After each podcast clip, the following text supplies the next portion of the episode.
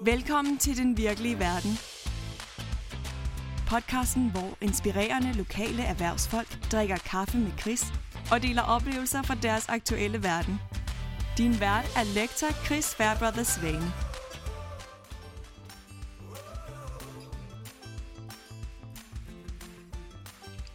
Hej Lasse. Hej Chris. Velkommen til min podcast. Tak for det. Det er mega, mega fedt, at du kunne finde tid til at, at være med her. Vi, øh, vi sidder på Zoom, Mm-hmm. og øh, det fungerer faktisk fremragende. Du sidder i, i København, jeg sidder i Esbjerg. Og øh, vi har en interessant øh, 35-45 minutter foran os, hvor vi skal snakke om øh, salg og salgsledelse. Øh, med udgangspunkt i, i, i dine erfaringer, Lasse, og med udgangspunkt i det firma, du sidder i nu, som hedder Glint. Mm-hmm indledende, så kan vi jo nok ikke komme udenom, hvordan det har været for dig de sidste øh, par måneder, øh, som, øh, jeg ved ikke, delvis hjemsendt, eller har du bare arbejdet fuldtid? Hvordan har det været for jer?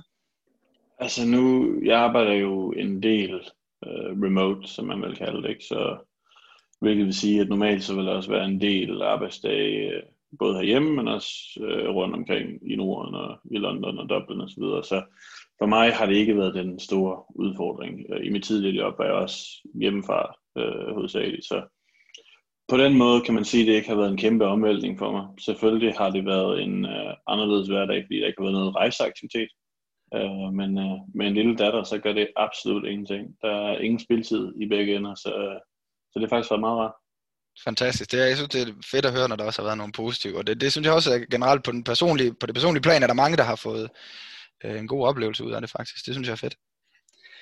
Øhm, sådan kronologien i de her episoder plejer at være, at jeg lige øh, sådan, taler om det officielle, det jeg kan læse mig til ved, ved Glint, Mm-hmm. og også øh, ved dig personligt. Og Mhm. øh, så ved jeg, at du har en masse at sige øh, sådan, øh, for, for det, man måske ikke lige kan læse sig til, både om dig selv, men også om, om virksomheden.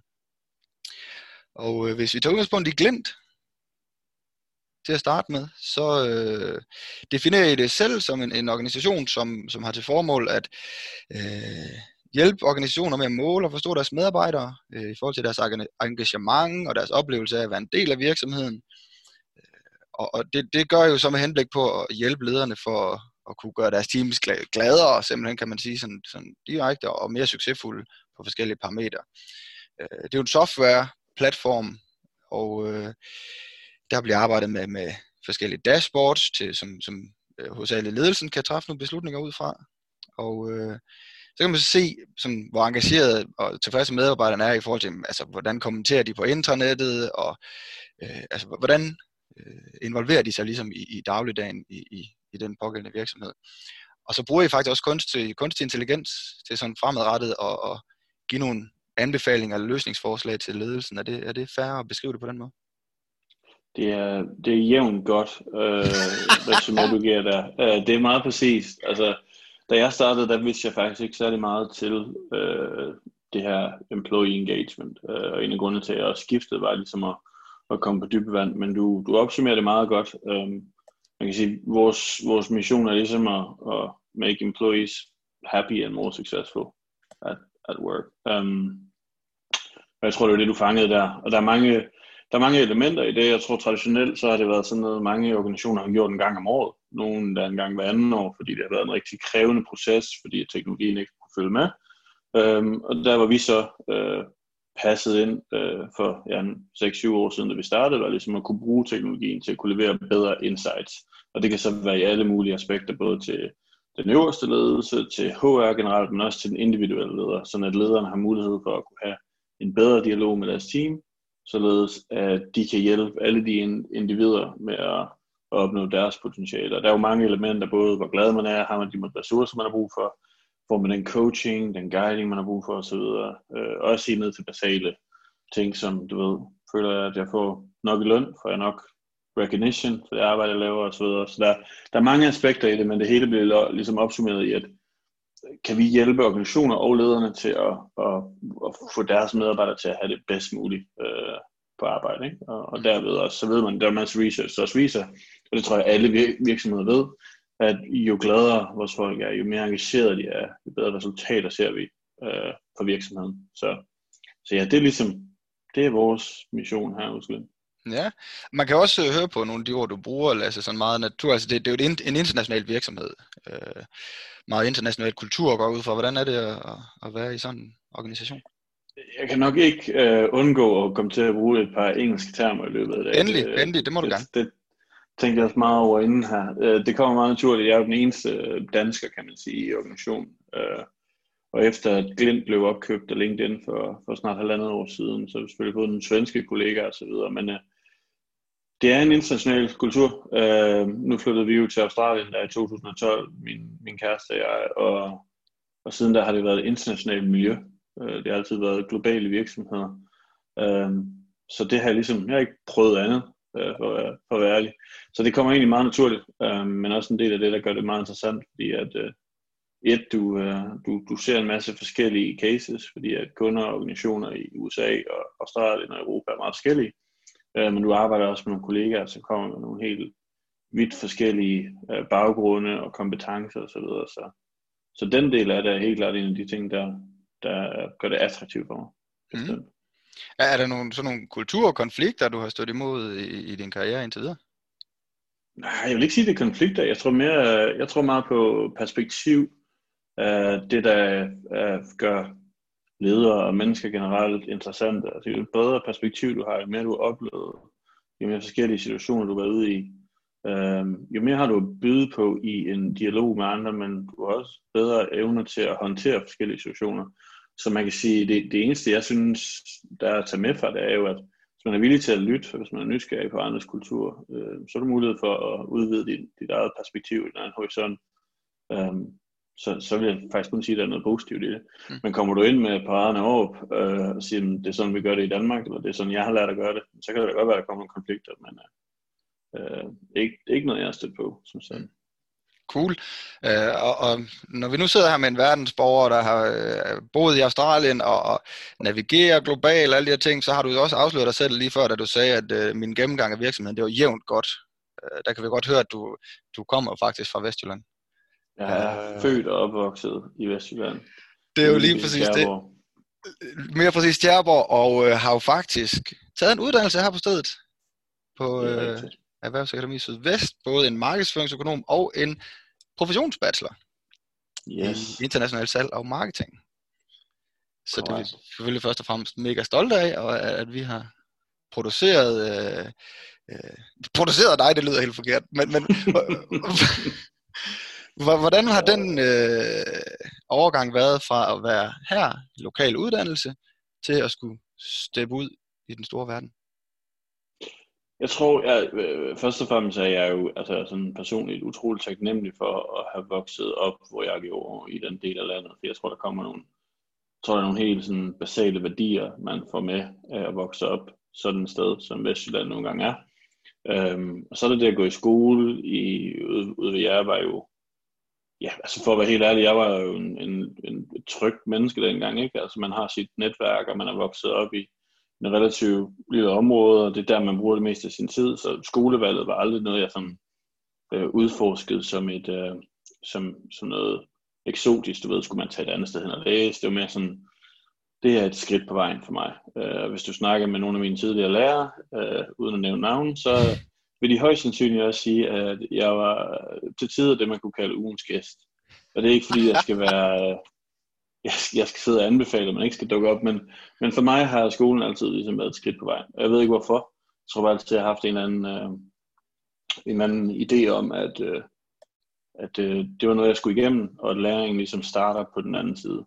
Mm. Øh, men derudover så fik jeg jo en, altså, en, en virkelig, virkelig god uddannelse øh, og et fundament. Øh, jeg tænker lidt, jeg tænker lidt, jeg havde en kørelærer, dengang jeg var du ved, knap så gammel, som sagde, at vi skal huske på, at det I får her, det er jo tilladelsen til at få lov til at køre bil bagefter. I lærer ikke at blive chauffør nu.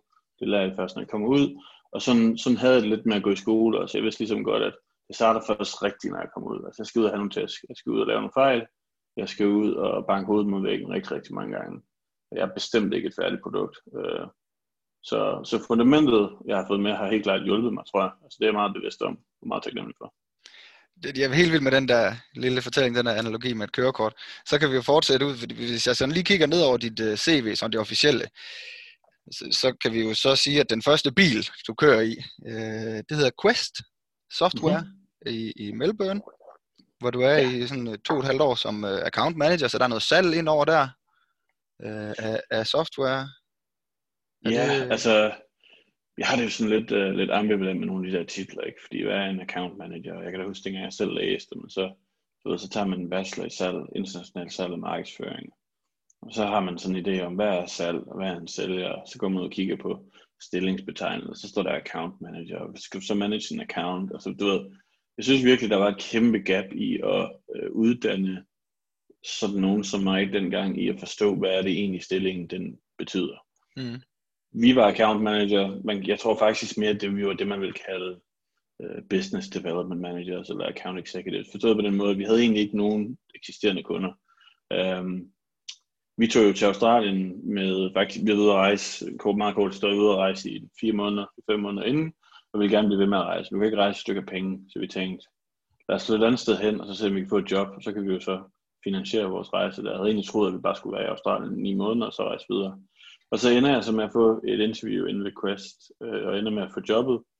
Og øh, når jeg kigger tilbage, så det er altså det bedste sted at starte. Forstået på den måde, at der var, vi var en 14-15 unge mennesker.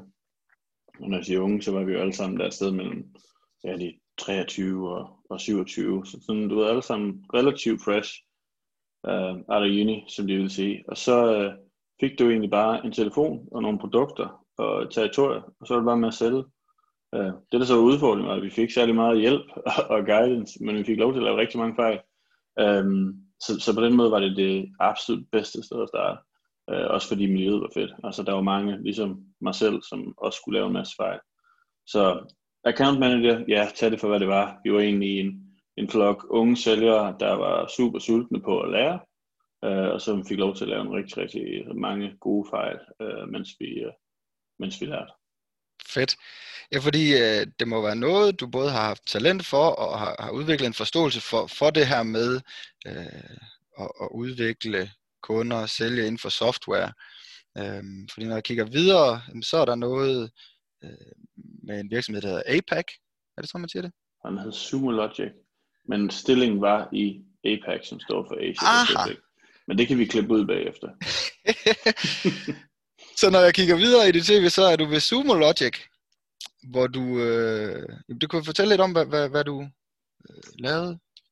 Ja, altså det der, det der skete, jeg tror du rammer et interessant øh, emne der faktisk, det der med, at man har en, et talent for salg. Fordi det tror jeg bestemt ikke, at jo, måske jeg, måske jeg havde det og har det, men jeg havde aldrig troet, at det var der, jeg skulle ende. Altså da jeg gik ud ved jer, var jeg overvist om, at marketing hvordan var jeg skulle gå. Og jeg tror, at rigtig, jeg kan jo høre, når jeg snakker med mange andre, at det er sådan en generel følelse. Jeg tror, det er noget med, at, at marketing er kreativt.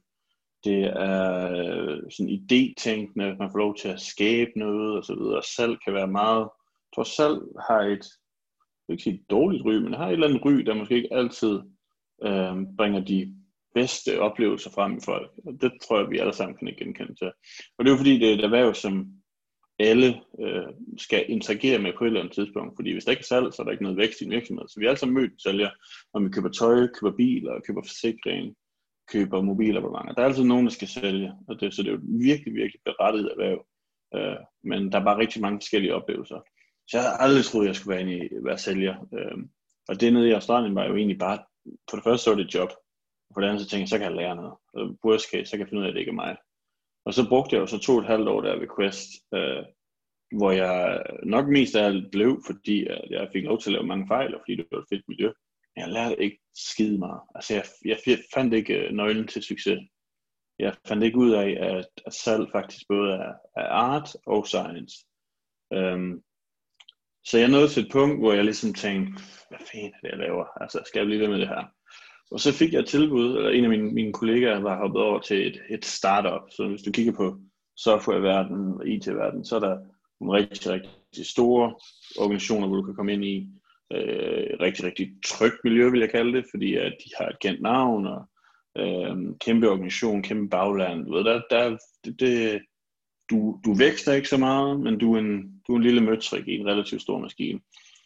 Og så havde en af mine kolleger, som var kommet over til startup, øh, som jeg synes var vildt spændende, og han sagde, at det var et helt andet miljø, og fokus var på altså, virkelig, virkelig høj vækst, og, og de havde en helt anden tilgang til salg. Øh, de havde ligesom en proces, de havde en playbook, de havde, øh, altså der var, de blev trænet i at kunne kvalificere øh, deres øh, opportunities på en helt bestemt måde, således at de kunne garantere deres øh, deals eller deres sejre. Ikke? Hvilket jeg synes var helt fantastisk og meget fascinerende, fordi det var egentlig det, jeg følte, jeg fangede øh, der, hvor jeg var. Altså, det var meget sådan coin flip, om det gik godt og gik skidt. Ikke? Og det kunne jeg ikke lide. Det kender vi begge to, når man spiller sport. Altså, man vil gerne gå ind til en kamp med en plan, og den plan skulle gerne udmynde sig en sejr. Øhm, så jeg tog et valg og tænkte, det skal jeg prøve det der. Og så fik jeg mulighed for at komme over til Zoom Logic. Øh, og der havde jeg faktisk indstillet det, nu håber jeg ikke, at, at Steven, der er min gamle manager, lytter med, men jeg havde faktisk indstillet mig på, at det her, det var ligesom et, et, øh, en chance for at vise, om det var det. Og hvis ikke det var, så kunne vi jo tage hjem, og så kunne jeg finde noget andet. Ikke? Øh, men det fede var, at, øh, at der, der havde de ligesom en, det man kalder en sales playbook. De havde en proces, de havde øh, en methodology, som de brugte og oplærte deres sælgere i. Øh, og der fandt jeg ud af, okay, det her det er faktisk ikke, det her det ikke handler ikke om talent som sådan. Det handler om øh, nogle helt basale kompetencer, som du skal have. Så handler det om at at, at bruge og følge den her proces. Så hvis du gør det, så kan du garantere din egen win rate og din egen succes. Og der fik jeg øjnene op for, okay, der er faktisk noget fedt i det her. Øh, jeg, kan, jeg kan være en anden slags sælger, end alt det, jeg ikke vil være. Ikke?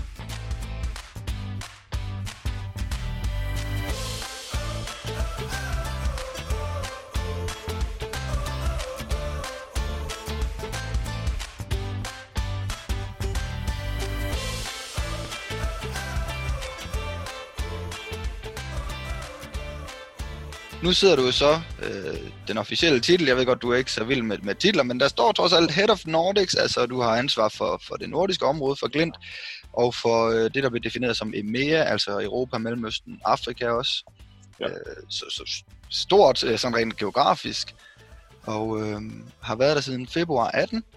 Mm-hmm. Øh, og, og nu kender vi, vi Glint, vi har hørt til din, din fortid, og kan måske dykke lidt ned i det her. Nu siger du, at uh, salg er både art og science. Mm. Synes jeg er en god måde at definere det på. Hvis vi starter der ved, det, du sidder med nu, altså selve uh, servicen eller ydelsen, og hvordan I definerer det, men det er særligt ved at sælge inden for, for software, eller HR-software, hvor, hvor, hvor tæt vi skal definere det, det ved jeg ikke, men uh, hvad for nogle særlige udfordringer, eller kvaliteter? Ja, det, det, ja, det er et godt spørgsmål. Altså, jeg er jo jeg er den personlige overbevisning, at, øhm, at salg er salg. Øhm, så øh, da jeg skiftede fra Sumo Logic, så var det, man ville definere som et mere teknisk salg. Altså vi solgte til, til øh, IT i organisationen. Uh, nu sælger vi til HR. Godt nok får vi, hjælper vi HR med at opnå nogle resultater, der er der er enabled eller skabt via teknologi. Så teknologi er en del af det, men vi sælger til forretninger, så man kan sige, at der er en lille smule forskel der.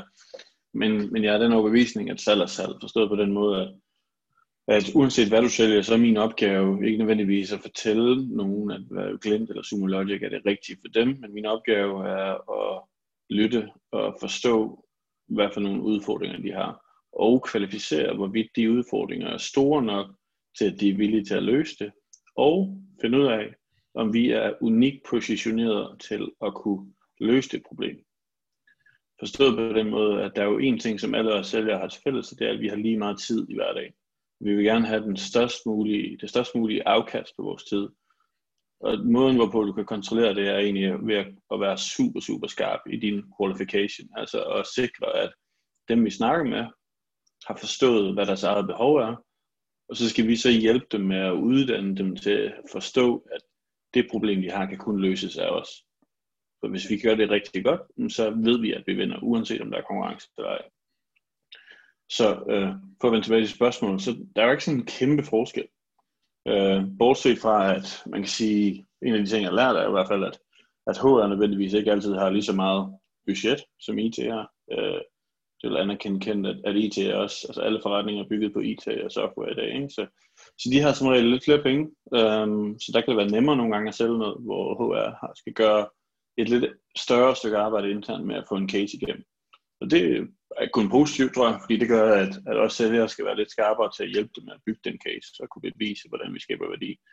Øh, men når det er sagt, så tror jeg, at den, den samme proces og, og den samme tilgang øh, stadigvæk øh, er nødvendig. Og hvordan, lad os nu siger du, at øh, det er vigtigt for, for dig og for jer, at dem I taler med, allerede har erkendt deres behov. Øh, ja, ja, altså i, i mange tilfælde tror jeg, at øh, det er lidt forskelligt. Altså der er lavet, nu ved jeg ikke, om du er bekendt med noget, der hedder Challenger Sale. Jo, um, jo det, det underviser vi også i, ja. Ja, altså øh, hvis man læser den første bog der, der er lavet to bøger, øh, men der lavede de en masse research på, hvordan køberne i dag øh, egentlig laver research, inden de øh, tager fat i os. Vi laver jo utrolig meget outbound øh, prospecting. Det er ligesom, ja, det er nøglen til vores succes. Vi kan ikke sidde og vente på folk om det kunne vi godt, men så er vi ikke have over vores egen skæbne. Øh, men det vi jo ved, det er jo, at over 50% af den research, som køberne har lavet, det sker allerede inden de tager kontakt til os. Hvilket er meget fascinerende at tænke på. Det er jo en af de ting, som vi bruger meget tid på at lære vores team. Det er, at vores job er ikke at fortælle dem om Glint.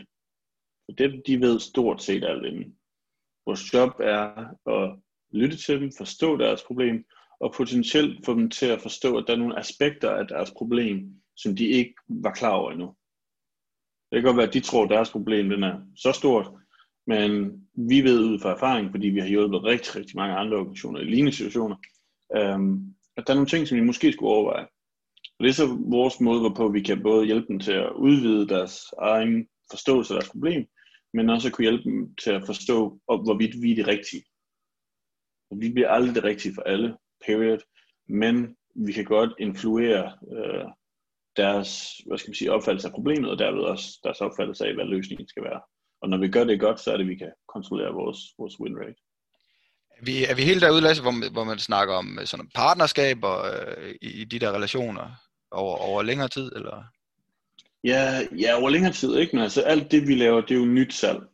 Forstået på den måde, at når vi lukker en kontrakt med en ny kunde, så bliver det givet videre til det, vi kalder et ja, Customer Portfolio Manager, kan bare mange navne, men altså dem, der ligesom varetager relationen fremadrettet. Og det er en meget typisk måde at gøre det på i startups, fordi det, der driver væksten, af nysalg. Øh, større virksomheder vil højst sandsynligt have det, man kalder account managers, hvor du måske har 20 accounts, og dem skal du så vækste år efter år. Ikke? Og det er en anden måde at gøre det på. Det vi laver her, det er ren nysalg. Og der kan man sige, partnerskab, det bliver det jo nok først til efter vi har lukket. Ikke? men jeg tror, jeg er kæmpe fan af, at fundamentet for et partner, godt partnerskab er jo, er jo respekt. Og de folk, man respekterer mest, synes jeg i hvert fald, er dem, som har evnen og mod til at udfordre dig en lille bitte smule på en, på en konstruktiv måde. Ikke? Øh, fordi det, det havde de ikke forventet. Altså når du, øh, når du snakker med en sælger, så går du jo ind med en overvisning om, at det er det her, jeg skal købe. Men sælgeren har mulighed for at sige, det forstår jeg godt, men har du overvejet de her ting, og i øvrigt, så den her virksomhed over, der laver nogenlunde det samme som jeg, de havde en lignende udfordring, og de overvejede faktisk det her, fordi det kunne give dem den her øh, potentielle benefit ud i fremtiden, har I overvejet det. Det er værdiskabende salg, og det man øh, også i Challenger Sale kalder en commercial teacher frem for en sælger. Og det er egentlig det, vi prøver på at skabe hos Glint, at skabe et team af, af commercial teachers. Øh, Ja, fordi så, så er vi jo sådan lidt over øh, en glidende overgang til, til det, vi måske kunne kalde salgsledelse. Øh, altså det der med at øh, i hvert fald være med til at definere et team og hvad vi skal kunne. Og, og først og fremmest, nu siger du commercial teacher, og man skal have nogle øh, evner som person. Vi, vi, vi træner jo også meget personlighed i, i vores salg, på vores mm. salgshold. Det første åbenlyse spørgsmål, det er sådan noget, er der en bestemt salgspersonlighed? Øh, i, sådan universel forstand? Mm. Oh, det er et godt spørgsmål, ikke? Altså, øhm, nej, jeg, jeg, tror ikke, jeg tror ikke, nej, det tror jeg ikke på. Jeg tror, der er nogle, der er sådan fire elementer, som jeg personligt, og som jeg ved, at, at vi også kigger på generelt, og det er, øh, der er nogle, der, der er noget IQ. Altså, du, du skal have øh, en eller anden form for øh, øh, intelligens, som forstået på den måde, du skal, du skal kunne være nysgerrig. Du ved, hvis du, hvis du godt kan lide at få to ender til at mødes, så driver det naturlig nysgerrighed. Um, så det er en del af det, men det kommer jo ud af ved at lave fejl, for eksempel, og det kræver, det kræver noget uddannelse. Det kræver have et bredt perspektiv. Ikke? Men der er, noget, der er helt klart noget, noget IQ-del. Men mest af alt, så tror jeg, der er noget, noget karakter over det. Ikke? Forstået på den måde, at, at salg er sgu, er sgu ikke nemt. Altså, du får rigtig mange øh, slag i hovedet, og du bliver afvist rigtig, rigtig meget, og, og det kan være en relativt høj uh, learning curve. Så det kræver nogen, der er villige til, og måske har sat sig selv i sådan nogle situationer tidligere, der har været villige til at gøre et eller andet, som ikke var forventet af dem, og sætte sig i en situation, som havde en anden form for risiko. Altså, det er sådan noget, vi kigger efter. Det kan være virkelig, virkelig basalt.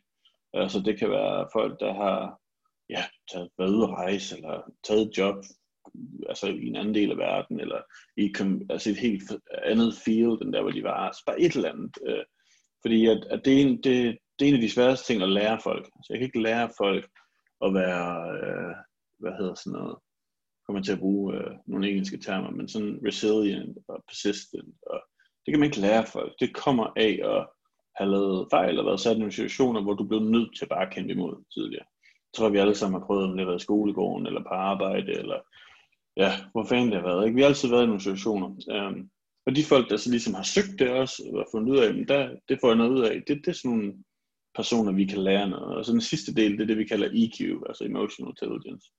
Um, du skal have noget empati. Du skal, uh, uh, du skal være lidt øh, uh, likable på en eller anden måde. Du skal være uh, ja, ydmyg og så videre. Ikke? Og det er igen nogle af de ting, det kan jeg ikke lære. Jeg kan ikke lære nogen at have empati. Jeg kan ikke lære dem at være ydmyg. Um, det er et personlighedstræk, som de har fået med på deres rejse. Men det er en af de ting, vi leder efter. Og så den sidste del, det er erfaring. Men det er faktisk det, jeg er mindst ligeglad med. Øh, forstået på den måde, at øh, hvis du har de tre andre, så kan jeg lære dig stort set alt. Øh, og din erfaring siger ikke altid øh, præcis nok om, hvad du kan. For jeg kan ikke vurdere, hvorfor du opnåede de resultater. Det kan være alle mulige forskellige variabler, der var fuldstændig ude af din kontrol. Du var en virksomhed på et rette tidspunkt, hvor der kom en kæmpe virksomhed og købte noget af dig lige pludselig, og så lukkede du den største handel nogensinde i den historie. Altså det kan jeg ikke vurdere, om det var på grund af de tre andre ting, eller om det bare var held. Så sådan lidt ligeglad med erfaring. Også forstået på den måde, at nogle gange er det egentlig lidt federe at få nogle unge folk ind, som er super øh, agerige og, øh, og har lyst til at lære. Øh, nu nævnte jeg ikke coachability, men men igen, det er, det, det er et kæmpe øh, karaktertræk, som vi leder efter. Er du villig til at lære? Har du lyst til at lære? Øh, og har du vist før, at du har sat dig i en situation, hvor du bare gerne vil lære? Øh, for hvis du ikke har det, så kan vi stå og snakke dagen lang om, hvordan vi kan gøre dig succesfuld. Men hvis du ikke har lyst til at lære og implementere det, ja, så, så, kan, vi jo ikke, så kan vi ikke hjælpe dig. Kan det være svært, Lasse? Nu, nu er du selvfølgelig Øh, jeg er nødt til at sige, at du er ung, ikke? fordi vi er jo jævnaldrende. Så, så sådan ung, øh, ung, ung, ung leder, øh, kan det være svært ikke at hyre folk, eller sådan øh, coache folk i sit eget spejlbillede, altså sige, jeg gjorde sådan her, og det havde jeg det succes med, og så lige pludselig så ender man med sådan en team af minilasser. Nej, jeg tror, det, det er noget, vi er meget, meget bevidste om, altså første gang jeg ligesom øh, skulle skulle prøve at hjælpe nogen. Nu kommer det meget naturligt at give videre for mig. Det er en af, grund, det er en af de ting, der driver mig til at lære. Fordi hvis, altså der fik et spørgsmål fra Paul tilbage i et interview, hvorfor du gerne vil lære? Meget interessant spørgsmål. Uh, et, fordi jeg, jeg ved, at det er, det er et godt egenskab at komme ind til et, et nyt job med, men, men vi kommer virkelig dybt med, hvorfor jeg gerne vil lære noget hele tiden. Og det er egentlig fordi, at du har muligheden for at kunne give det videre. Altså det udvider dit perspektiv osv. Så, videre. så det der med at give videre kommer meget naturligt, så det har jeg egentlig gjort i, i meget lang tid. Øhm, men, men man skal passe på med at et, ansætte nogen, der ligesom en sig selv, to, prøve at træne dem og uddanne til at blive ligesom sig selv. Altså, diversity er nøglen til succes i et salgsteam, hvis du spørger mig. Øhm, fordi at, øh, jeg har også fejl og mangler, og jeg skal også blive ved med at lære. Jeg vil faktisk hellere ansætte nogen, der er meget klogere end mig selv. Og hvis ikke jeg gør det, så kommer jeg ikke til at lære noget. Øhm, så det er sådan ledelse one-on-one, hvis du spørger mig. Øhm, men derfor kan man godt dele ud af erfaringer. Altså mit job er ikke at fortælle, hvordan vores team skal gøre det, men mit job er at stille spørgsmål, de ikke har stillet dem selv endnu. Øhm, så de kan gå ud og bruge og følge den proces, vi nu engang har givet dem, så de kan gå ud og stille endnu bedre spørgsmål til deres kunder. Det er sådan meget, meget basalt set, som jeg ser mit job. Altså jeg skal være et sounding board. Jeg skal selvfølgelig give dem de rammer, de har brug for, for at være succesfulde og så videre. Uh, men når man tænker sådan salgsmæssigt, så er det ikke at fortælle dem, hvad de skal gøre. Mm. Men det er at stille dem de spørgsmål, de ikke har stillet sig selv nu. Okay. Øhm, og, og nu har vi sådan lyttet lidt til, de, hvad der har motiveret dig og drevet dig. Altså, gå derfra til lige pludselig at skulle finde ud af, hvad, altså, hvad fanden motiverer andre, og det er vel ikke det samme for alle dem, du sidder med. Øh, hvordan, hvordan, hvordan har du grebet det an? Jamen, jeg tror, det, det altså igen, øh, en af de ting, som der gik op for mig, øh, ligesom der kom ud i den virkelige verden, hvis vi kalder det. Det må du meget gerne, fordi øh, det hedder podcasten jo. Så. Lige præcis, lige præcis, så slet ikke meningen, at de skulle smide den der. øhm, men, men en af de ting, der gik op for mig, det var jo, at, at du tager en uddannelse, ikke? og den hedder salg og marketing eller et eller andet. Ikke? Og salg er jo en del af de der tre ord, der er, så det må jo have en relativt stor betydning. Men jeg følte aldrig, at jeg lærte, hvad salg var. Og det har nok noget at gøre med, at for mig, der har jeg fundet ud af, at salg handler om, øh, om nysgerrighed. Det handler om at spørge. Øh, de sælgere, vi har, der er allerbedst, det er dem, som stiller de allerbedste spørgsmål. Forstået på den måde, at de får den information, som alle andre konkurrenter ikke har fået, for de har ikke stillet så gode spørgsmål. Jo mere information du får, jo bedre kan du positionere den her unikke løsning til det unikke problem. Um, så den samme tilgang til salg, synes jeg, man skal tage med ind til sit team. Forstået på den måde, at hvis ikke du spørger ind til dine team uh, members, hvad det er, der driver dem. Hvis du ikke lærer dem at kende på forskellige niveauer, så kan du ikke hjælpe dem til at opnå deres fulde potentiale. Fordi det er ikke alle, der har den samme drive, det er ikke alle, der har de samme mål, og jeg skal ikke, det er ikke vores job at sætte deres mål, det skal de selv sætte. Uh, du ved, du kan ikke hjælpe nogen, der ikke, vil hjælpes. Uh, det har du sikkert hørt før. Og det er egentlig lidt det samme her. Så jeg kan ikke, jeg kan ikke sige til dem, hvad, det er dit mål. Det er det, du skal nå. Ikke? Ja. Det skal de selv komme med. Men hvis de ja, det, er jo, det er jo ikke sådan, uh, undskyld Lasse, men det, det, er jo, det er jo lidt atypisk i forhold til salg, hvor man ofte oplever, at vi har nogle mål her, vi skal nå det her, og det er det, der driver os, at uh, vi har nogle salgsmål, og vi skal møde vores uh, kvartal. Ja. Jo, men det, det er jo en del af præmissen, ikke? Altså vi taler meget om det her, at, at de sælgere, vi ansætter, de bliver ansat til at bygge et franchise. Forstået på den måde, at du kommer ind, og så får du lov til at bygge din egen forretning i Glint. Ikke? Hvis det er et produkt, en løsning til rådighed, vi sætter marketing team til rådighed, vi sætter øh, sales enablement, så du kan få træning, du kan blive oplært, vi sætter alle de ressourcer, legal og så videre, alle de ting sætter vi til rådighed, så du kan gå ud og bygge et franchise. Så kan du så selv vælge, om dit franchise skal være det bedste franchise, middelmål eller et elendigt franchise. Jeg håber selvfølgelig ikke det, sidste, men en del af at tage det her franchise ownership, er jo at, igen at kvalificere, om det er det rette job for mig. Og en af de, de ting, vi kigger på, eller man burde kigge på som selv, det er, hvad er mit mål? Så hvis du hører, at målet det er at, at, at skulle nå x antal øh, millioner dollars om året, så må du finde ud af, om du synes, det er realistisk. Hvis du så siger ja til at køre det franchise, så må du jo så også antage, at der er nogen, øh, nogle stakeholders, der vil du ved, have en løbende dialog med dig, om, om det nu har et godt match. Ikke? Og det er jo en del af præmissen, synes jeg. Øh, så de ved, hvad deres mål er. Men altså, hvis vi, hvis vi ansætter rigtigt, så, så satser vi da også på, at de fleste de siger, at jeg vil gerne lave 200% af mål. Altså, mm. det, er jo, det er jo de folk, vi gerne vil ansætte. Mm. Og, og det har vi også folk, der gør. Uh, men vi har også nogen, som gerne bare vil nå 100%. Og det er også okay. Altså, det er jo ligesom præmissen af den aftale, man indgik i den her franchise ownership. Så, så det, er sådan, det er meget forskelligt. Altså, du har forskellige mennesker på dit team, du har forskellige egenskaber osv., og det skal man respektere, synes jeg personligt. Øhm, og, og ja, vi sætter et mål. Det er en del af franchise-aftalen, kan man sige, for at bruge det, den øh, analogi. Men, men derudfra, så skal, så skal de individerne jo selv sætte deres mål. Og, og mål er jo ikke kun salgsmæssigt. Mål er også, hvad vil jeg gerne udvikle, udvikle mig? Hvad for område vil jeg gerne udvikle mig i? Øh, både professionelt, personligt osv. Øh, en del af det, det bliver sådan lidt teknisk, men det vi gerne vil, når du bygger et startup, det er jo at at bygge en salgsmotor, som kan levere predictable revenue. Fordi at vi har en, en plan, vi har fået øh, nogle investorers penge ind, dem skal vi jo så forrente over, over tid, ikke? og give godt afkast på. Så derfor skal vi garantere, at vi ude i fremtiden når de her mål. Og det kan vi kun gøre, hvis vi bygger en predictable revenue engine. Og en af de grunde til, eller en af mekanismerne, vi gør det, det er jo at bibeholde de her folk, vi ansætter. Fordi det tager relativt lang tid at træne en sælger til at være produkt, uh, productive. Så du vil helst ikke miste den. Så hvis du kun kigger på salgstal, så tror jeg, du kommer til at... Altså, så har du ikke en særlig god retention på dine medarbejdere. Hvis du skal kigge på, hvad driver dem professionelt og personligt. Ikke? Og de mål er mindst lige så vigtige, hvis du spørger mig. Mega spændende. Lasse, det sidste, jeg lige sådan måske vil afrunde, øh, vi kunne snakke meget rigtig, rigtig, rigtig lang tid om det her. Men øh, jeg kan se på den feedback, vi har fået på sæson 1, at øh, vi skal holde det sådan nogenlunde til sådan 35-40 minutter. Okay. Og, og du siger det her med coachability, og jeg kan mærke på dig, at du virkelig også brænder for at, at, at træne dem, der kommer ind. Øh, er det noget, I gør sådan løbende i dagligdagen, eller har I sådan en fast struktur, hvor I siger, nu træner vi, nu sidder vi i et klasselokale, og øh, sådan nogle ting, eller er det noget, man lige tager sådan dagligt og siger, hey, jeg har lige et problem med en kunde, kan vi lige spare på den? Hvordan, hvordan gør I sådan nogle ting?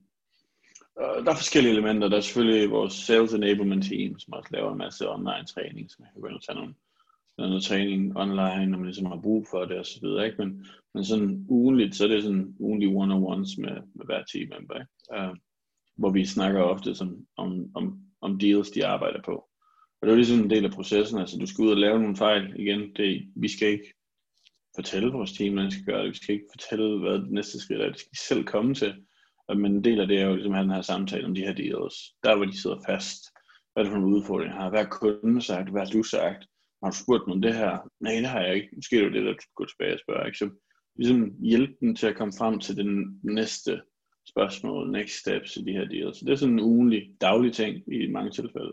Altså, vi lærer også forskelligt. Uh, struktur er selvfølgelig en del af det, ikke? så vi ligesom garanterer, at der er den her sparring. Uh, men vi lærer alle sammen forskelligt. Så der er nogen, der er meget mere proaktive i deres egen læring, forstået på den måde, at de kan godt altså, tage fat i os løbende, flere gange på en dag. Ikke? Hey, vi snakker om det her i morges, jeg har lige snakket med dem igen, sagde det her, når man så prøver at sige, altså du ved, der kan være rigtig meget pingpong, så det er sådan meget, meget forskelligt og meget, meget individuelt. Og mange af de her sælgere har jo også forskellige ambitioner med hensyn til læring. Ikke? Så, så, så det er sådan, ja, det varierer. Mm. Super fint, Lasse. Jeg skal øve lige rose dig for dit øh, uh, LinkedIn-CV. Det er simpelthen uh, det konkrete resultater på, uh, og imponerende resultater. i øvrigt. så hvis man sidder og, og er ved at opdatere sit LinkedIn, øh, enten som øh, ny dimittent, eller på vej til at blive dimittent, eller hvis man har været på arbejdsmarkedet i 20 år, så kig lige på Lasse CV på LinkedIn, fordi jeg synes, det, det, det er et skoleeksempel på, hvordan man også sætter konkrete resultater ind. Hvis man gerne vil, så vil følge med i din karriere, Lasse, og også omkring Glint og så videre, er LinkedIn det bedste medie der?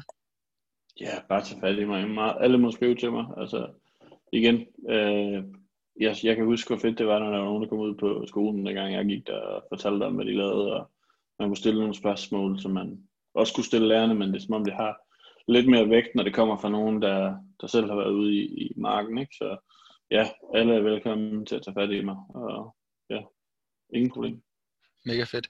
Øh, dem, der lytter med her, de øh, lytter enten med på hjemmesiden denvirkeligverden.dk, eller også så lytter de med på Google Podcast, Spotify, Apple Podcast, øh, så også noget, der hedder Stitcher. Jeg tror ikke rigtig, der er nogen, der...